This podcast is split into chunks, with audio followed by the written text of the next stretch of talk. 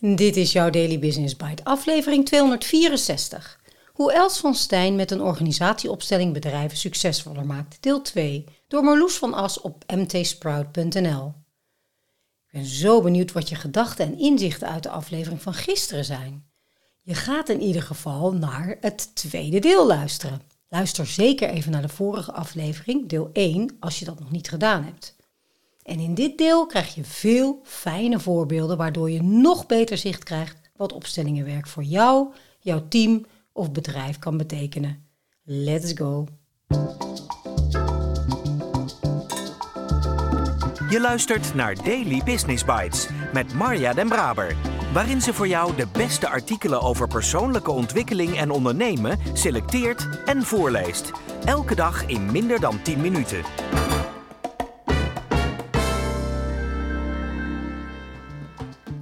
Is een organisatieopstelling precies?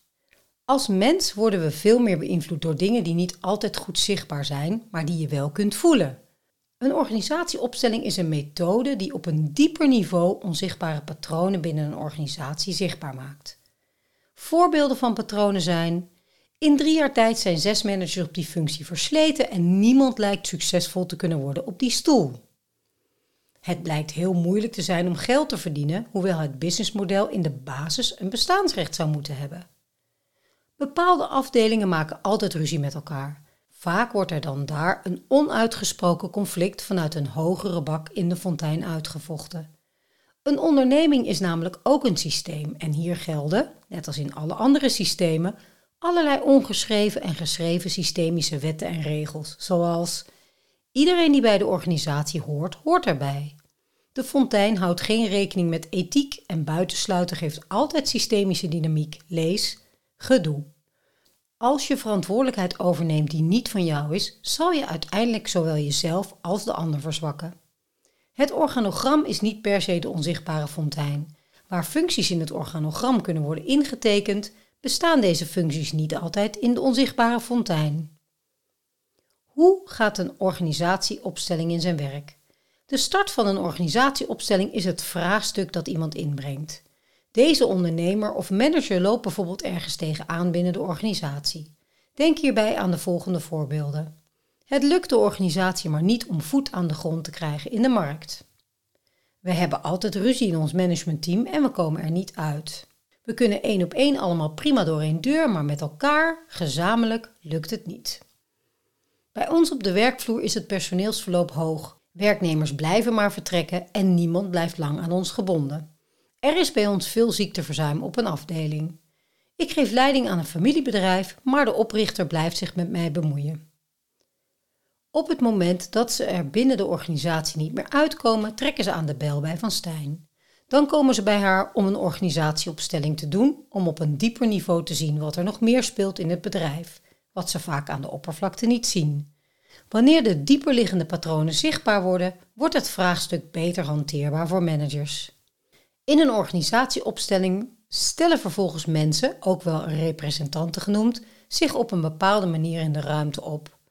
Een representant staat in een organisatieopstelling dan voor een element van het vraagstuk waar de ondernemer mee worstelt. In het voorbeeld met de directeuren waren dat de volgende representanten: drie directeuren, de organisatie, de klanten, de medewerkers en de medewerkers met het hoge ziekteverzuim. Wanneer is het zinnig om een organisatieopstelling in te zetten voor jouw bedrijf? In bedrijven kunnen zich moeilijke situaties voordoen waarbij er soms geen duidelijke oorzaak te ontdekken valt. Als iets in jouw bedrijf één keer voorkomt, kan dat natuurlijk toeval zijn. Maar als een kwestie vaker terugkomt, is er vaak meer aan de hand. Hoe weet je wanneer je iets systemisch moet aanpakken in je bedrijf? Een organisatieopstelling zet je in als gewone praktische interventies en het boerenverstand niet werken en iets zich steeds maar weer in hetzelfde patroon blijft herhalen. Hoe kan een organisatieopstelling je succesvoller maken? Succes voor ondernemers is meestal het behalen van je bedrijfsdoelen. Door organisatieopstellingen te doen krijg je de mogelijkheid om, vooral op de langere termijn, succesvoller te zijn. Als de patronen blijvend doorbroken worden, kan alle energie op de bedrijfsdoelen gericht gaan worden er gaat dan minder energie verloren naar de patronen die in de weg zitten. Van Stijn. In het voorbeeld hierboven was het resultaat direct zichtbaar doordat de twee directeuren weer met elkaar door één deur konden en het ziekteverzuim minder werd. En op de lange termijn zag je bij dit bedrijf dat de directeuren moeilijke dingen beter bespraken vanuit respect. Ze namen meer verantwoordelijkheid en werden meer open naar elkaar en daarmee ook naar het personeel.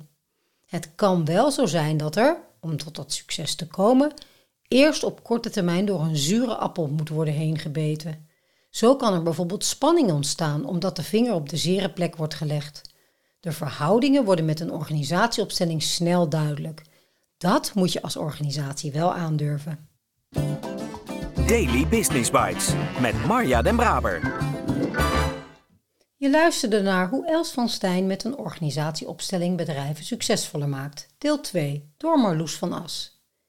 Fijn om deze duidelijke voorbeelden weer even op het netvlies te hebben. Er komen gelijk heel veel herinneringen van prachtige opstellingen naar boven.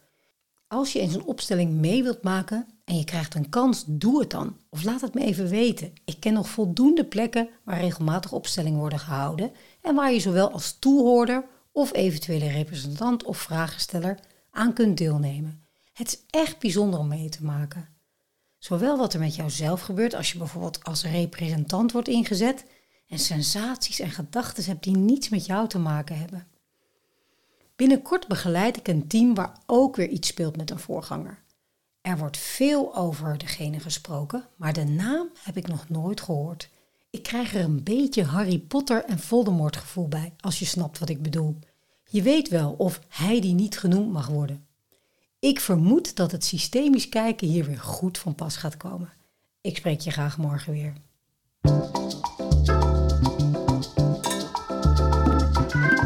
Was Daily Business Bites.